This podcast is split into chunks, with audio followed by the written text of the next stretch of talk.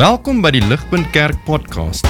As Ligpunt Gemeente is dit ons begeerte om God te verheerlik deur disippels te wees wat disippels maak en 'n kerk te wees wat kerke plant. Geniet hierdie week se preek.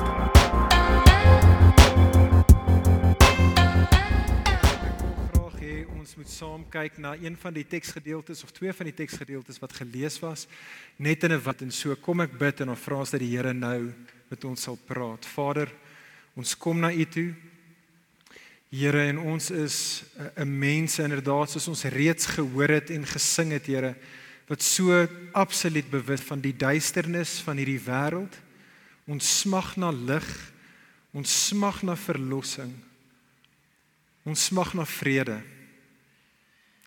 Vader, ons loof en prys U dat U is 'n God wat in die seën en in die krag is. Ons juis in ons diepste nood kom ontmoet het. En ons wil meer van U af hoor in Jesus se naam. Amen. Vriende, ek weet nie ek, ek weet nie of julle die Starbucks die Starbucks Kersfees koppie drama van 2015 kan onthou nie. Weet nie of julle dit onthou het nie. Daar was so 'n actual massiewe drama in Amerika met betrekking tot Starbucks en hulle Kersfees koppies. Kyk gou vinnig saam met my op die skerm. Uh, daar was in 2015, julle sal daar sien op die skerm is dat vir die laaste dekade of so het Starbucks hulle Kersfees koppies verander. So daar was altyd hierdie Kersfeesversierings gewees en toe in 2015 toe besluit hulle luister hier, ons het vir 'n rooi koppie gaan hierdie jaar. En dit was 'n massiewe drama. Op daai stadium in Amerika in 2015 was daar 'n groep Christene wat woedend was en 'n groot boei op gesê het dat Starbucks is besig om Christendom aan te val. Hierdie is deel van 'n sekulêre weste se se begeerte om vir Christus uit Kersfees uit te haal. En dit was 'n groot storie geweest. Jy kan dit gaan Google einde 2015 in Amerika gewees. Nou, op daai stadium was daar 'n klomp nie Christene in Amerika wat so half mekaar gefrons het en gesê het, "Wat?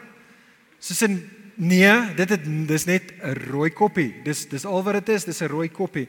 En vriende om te wees, ek stem 100% saam met die nie-Christene op hierdie punt.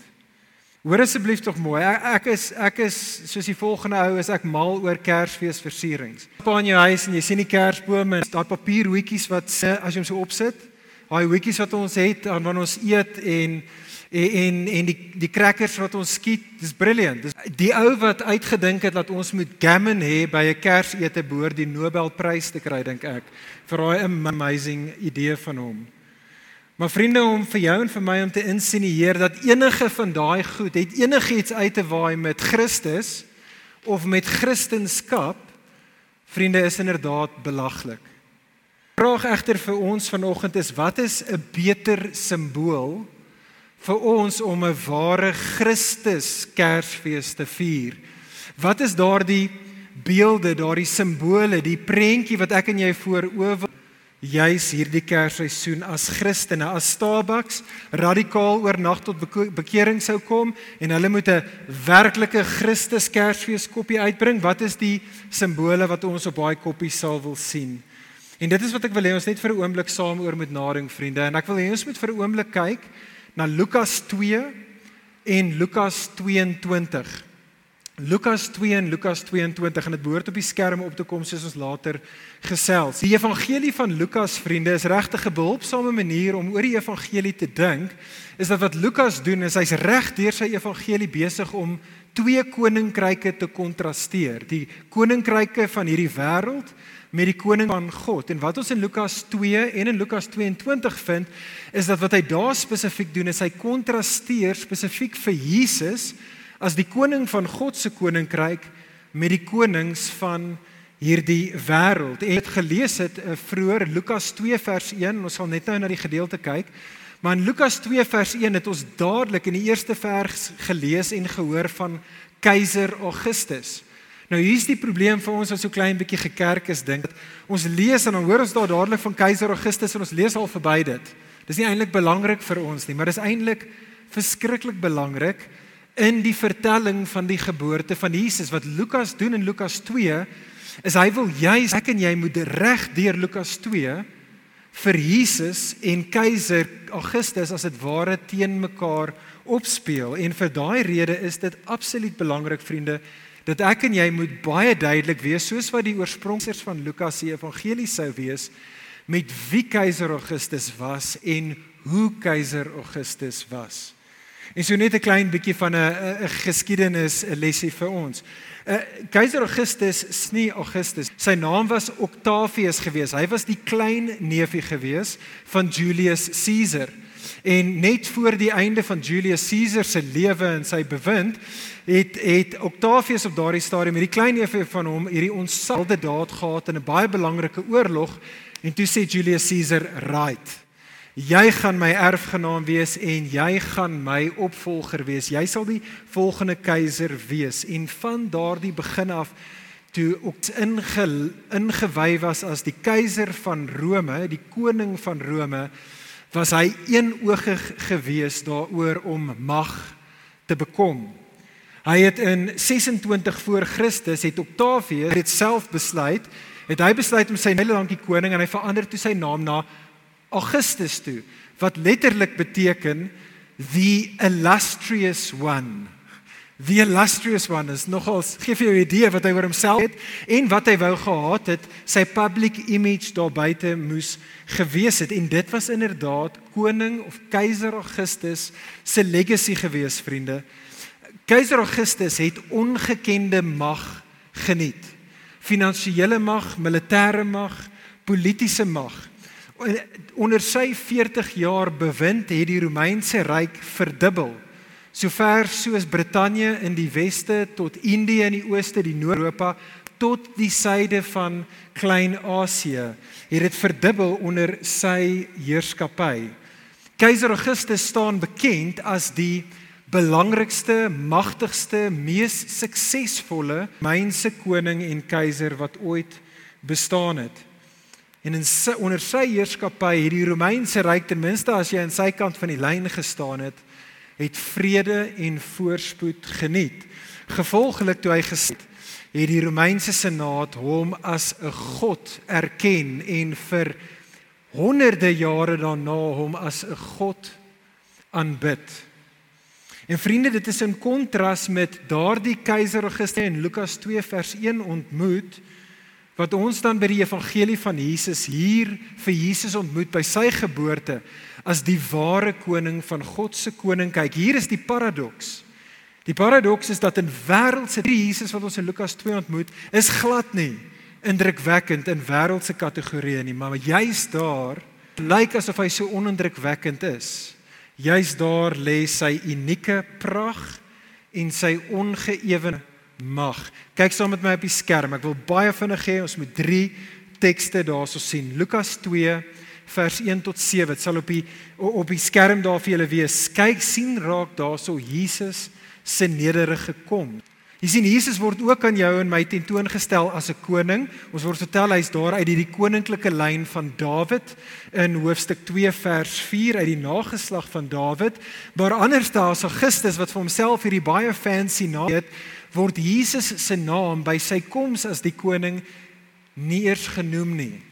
Hy's naamloos hier. Ek weet nie of dit opgetel het nie in daai eerste 7 verse en Jesus se geboorte vriende was glad nie gewees nie. sien raak saam met my daar. Ons vind hier dat hierdie koning word gebore in die mees onindrukwekkende streek van die Romeinse ryk. Die teks sê daar vers 2, hy was gebore in Klein-Asië, minste belangrikste gedeelte. sien raak daarso in die gedeelte hy's afkomstig van een van die mees onindrukwekkende dorpies in daai onindrukwekkende streek. Ons word vertel vers 4 hy is van Nasaret. Onthou julle wat sê die res van die evangelie so spot die ouens oor Nasaret? Hulle sê Nasaret kan kan, kan enigiets goed van Nasaret afkom. En sien raak saam in Lukas 2 vers 1 tot 7 dat hierdie Jesus is gebore in absolute onindrukwekkende omstandighede. Vers 7, hy word gebore in 'n stal vers 7 in 'n krib is hy neergelê omdat daar nie vir hulle in die herberg was nie. Maar ten spyte van dit, net die volgende gedeelte waarmee ons vanoggend begin het, vriende, sien ons dan in Lukas 2 vers 10 tot 14 Jesus se hemelse bevestiging aan. En so dit was reg aan die begin vanoggend vir ons gelees, net soos wat die engele verskyn daar aan die herders en kyk wat sê hulle daar in vers 11. Kyk wat sê die engele, wat is waar van hierdie kind, hierdie Jesus vers 11. Gis daar vir julle in die stad van Dawid as verlosser gebore, Christus die Here. Nou weer eens, ek en jy hoor daai woorde wat jy ken as jy by vorige Kersdienste al was. En ons van wat die engele daar ons eintlik behoort nie. Mens sien die oorspronklike lesers van Lukas 2 sou presies verstaan het wat hierdie aankondiging is. Want wat hulle gewoond was wat hulle dag in en dag uit gehoor het waar hulle gewoon het in die Romeinse ryk is Caesar is Lord. Caesar is Lord. Caesar is Lord. Hier kom die engele en sê nee nee nee nee wag so 'n bietjie Christus is Lord Jesus Christus hy is die Here hy is ware koning hy is die koning bo selfs die keiser. Hy is die magtige koning en hy is juis magtig want anderste as keiser Augustus wat in sy ou rykie daar uh, hierdie en voorspoed geniet het, gaan hierdie koning Jesus gaan kosmiese vrede en kosmiese voorspoed teweegbring. Kyk saam met my daar in vers 14. Hoor wat sing die engele? Hulle sing ere aan God in die hoogste hemel en vrede op aarde vir die mense in wie God 'n welbehae het. Hierdie koningskind roep die engele uit. Hierdie is die onsaglike aankondiging. Hy is 'n koning wat genuine, ware vrede, vrede tussen die Skepper en sy skepping en die mens teweeg sal bring. En die groot vraag vriend vriendin vir jou en vir my Kerstyd te onthou is maar hoe? Hoe hierdie goddelike koning sy goddelike mag aanwend om goddelike vrede teweeg te bring. En vir dit het ek en jy nodig om na die einde van die storie van Lukas toe te gaan, na Lukas 22 toe. Kyk saam met my op die skerm vriende en sien raak hierdie koning, sien raak Jesus se dienende heerskappy. Hier's die konteks. Lukas 22 is letterlik ure voor Jesus se kruisdood. As jy enigstens Lukas 22 ken, net minute, minuut sekondes voor hierdie insident wat ons nou gaan lees, het Jesus daar gesit en hy het die Pasga saam met sy disippels geniet en Jesus het net in die minute voor hierdie het hy die nagmaal ingestel. Maar dan in vers 24 gebeur 'n absolute verstommende ding. Dadelik gaan Jesus se disippels en hulle raak power drank. Hulle wil elk ek is die belangrikste van die disippels hier hier onder ons en so Jesus gaan dan en jy's in die hand van dit kommunikeer hy hierdie woorde. Lees saam met my vers 25 Jesus sê vir sy disippels die konings die konings van die nasies soos keiser Augustus en na hom keiser Tiberius die konings van die nasies heers oor hulle mense en diegene wat gesag word weldoeners genoem Maar julle is nie so nie. Die belangrikste onder julle moet soos die geringste wees en die een wat leiding gee soos iemand wat dien. Want wie is belangrik, die een wat aan tafel aan lê of die een wat bedien? Is dit nie die een wat by die tafel aan lê nie? Maar hier's die clincher. Tussen julle is ek, sê Hester, soos iemand wat dien. Vriende, hoor mooi, hierdie is die groot punt wat Jesus daar maak. Hierdie is die verstommende ding wat Jesus sê. Jesus sê ek is die koning. Ek is die ware koning, die magtigste vings, maar ek is nie 'n koning wat gekom het om gedien te word nie. Ek is 'n koning wat gekom het om te dien. En hy verwys natuurlik na dit wat nou net hierna gaan gebeur op die kruis. Jesus sê soos wat hy kruis toe gaan, gaan hy daar. Dit lyk vir die wêreld asof hy deur die Romeine ter dood veroordeel gaan word, maar Jesus sê dis nie eintlik wat gebeur nie. Hy word op die kruis ter dood veroordeel deur sy eie Vader. En vriende, dis die evangelie, dit is die betekenis van dit en wat ons vanoggend gaan geniet. Jesus sê hierdie is hoe hy sy mense gaan dien. Hy gaan kom en hy kruis gaan hy as die versoeningsoffer vir die sonde van God se mense sal hy op die kruis die prys betaal vir hulle sonde. Dis die illustrasie, dis die dis die punt van die nagmaal. Op dis Jesus sal sy liggaam soos daai versoeningsoffer van die Ou Testament gebreek word soos wat die brood simboliseer sodat God se mense nie vir hulle sonde deur God gebreek hoef te word nie. En soos wat hy sterf op daardie kruis se Jesus en dit word gesimboliseer deur die wyn, soos Jesus op daardie kruis sal sy bloed vloei in geloof kyk na dit wat hy gedoen het plek as die versoeningsoffer in hulle plek op die kruis sodat hulle nou in 'n nuwe verbondsverhouding met God kan staan. Vriende, sodat elkeen wat in Jesus glo nou kan vrede geniet met 'n mense kan wees wat kan weet hulle geniet nou reeds Shalom en vir alle ewigheid sal hulle Shalom geniet saam met God. Dit is het jy gesien daarop, kyk saam met my vir 'n laaste keer op die gedeelte. Dit is daarso vers 30.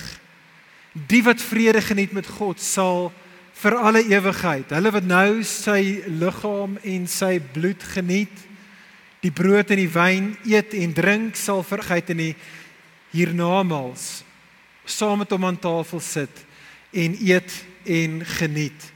En hulle sal mede koninklik saam met hom wees in sy koninkryk. 'n Prentjie vriende, die Renessans.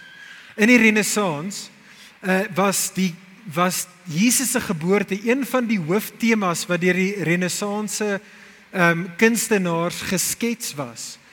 En wat baie treffend is as jy sou dis nie net waar van die voorbeelde wat ek vir ons wil gee nie, maar eintlik van baie ander is daar 'n magdom van die kunstenaars in die Renessans wat wanneer hulle Jesus se geboorte geskets het of geskilder het, het hulle een of ander illusion gehad na Jesus se kruisdood. Kyk vinnig saam met my net na 3. sien raak saam met my Leonardo da Vinci. Leonardo da Vinci se baie bekende The Adoration of the Kings, geskilder in 1481. Klaar geskilder nie soos julle kan sien, maar die middelfokus van daai skildery is natuurlik hoe een van die wyse manne na Jesus toe kom met die geskenk. Wat is die geskenk daar? Dis mirre. Waarvoor was mirre? Wel mirre was die balsem waarin jy iemand wat gesterf het in gebalsem het. Wat Leonardo da Vinci daar doen, dit is Jesus die hand uitstrek om die mirre te ontvang en wat Da Vinci keer is is as dit ware as Jesus wat sê hoorie ek weet hoe gebore is. Ek is gebore sodat ek sal sterf. Kyk saam met my na 'n ander ene 'n ander bekende skildery van Cherlandieu en Cherlandieu se uh, The Nativity of the Sheikh geskets in 1458 daar het jy weer die baie voor Jesus wat daar kniel maar waar vind lê Jesus Jesus is voor 'n altaar. Jesus is voor die altaar want jy sien, hy is die offergawe, hy's gebore sodat hy uiteindelik sal sterf vir God se mense. Kyk na die laaste een, 'n baie bekende skildery van Lorenzo Lotto, die Bekendtivity van 1523. En wat hy doen is hy doen dit nie eers subtiel nie. Hy gaan en hy hy sit sommer 'n kruis teen die muur. Ek bedoel, kyk, dit werk nie histories nie. Ek bedoel daai kruisie van Jesus op 'n kruis 1000 jaar later of 5 700 jaar later eers is dit eers so 'n uh, 'n simbool gewees, maar hy sit dit daarso by Jesus se geboorte en hy doen dit as prys.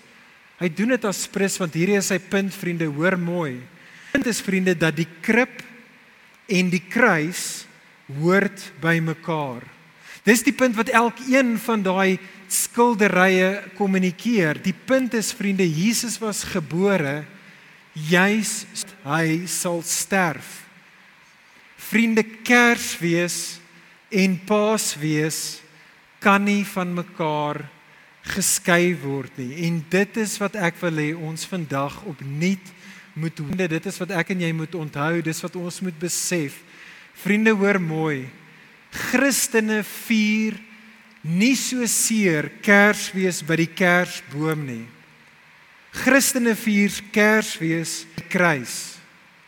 Want jy sien die kruis is die beter boom Want onder daardie boom lê die beter geskenk. En daai geskenk is vrede met God. Dit is gekom het. Hy's gebore om te sterf sodat ons wat sondaars as sondaars is kan hoor dit is volbring. Daar is nou vrede tussen ons en God nou en vir God se mense vir alle ewigheid. En ligpunt, dit is my gebed. Dit is my gebed vir ons vandag. Dit is my gebed vir ons soos wat ons in die res van hierdie maand nou in hierdie Kersseisoen gaan ingaan. Dat ons die heeltyd sal soos ons Kersfees gaan vier, dit vir onsself, maar vir mekaar. Jesus is gebore, maar weet jy hoekom? Hy's gebore sodat daar vrede kan wees tussen ons. En so vriende, mag dit waar wees van ons. Mag ons se mense wees hierdie kerk wat saam met die engele sal sing Lukas 2 vers 14 ere aan God in die hoogste hemele en vrede op aarde vir die mense in wie God te welbehaag het. Kom. Vader, dit is ons begeerte. Dit is ons gebed. Here, ons wil mense wees wat ja, hierdie Kersseisoen Jesus se geboorte vier, maar dat ons dit by die kruis sal vier. Maak ons se mense wat sal praat met ander in hierdie vakansietyd oor dit wat Jesus kom doen het en hoe Jesus sy lewe vir ons kom gee het. Ag Here, dankie vir hierdie grootste van geskenke wat U vir die wêreld gegee het. Van ons prys U vir die seën. Amen. Vir meer inligting oor Ligpunt Kerk, besoek gerus ons webwerf op www.ligpunt.com of kontak ons gerus by info@ligpunt.com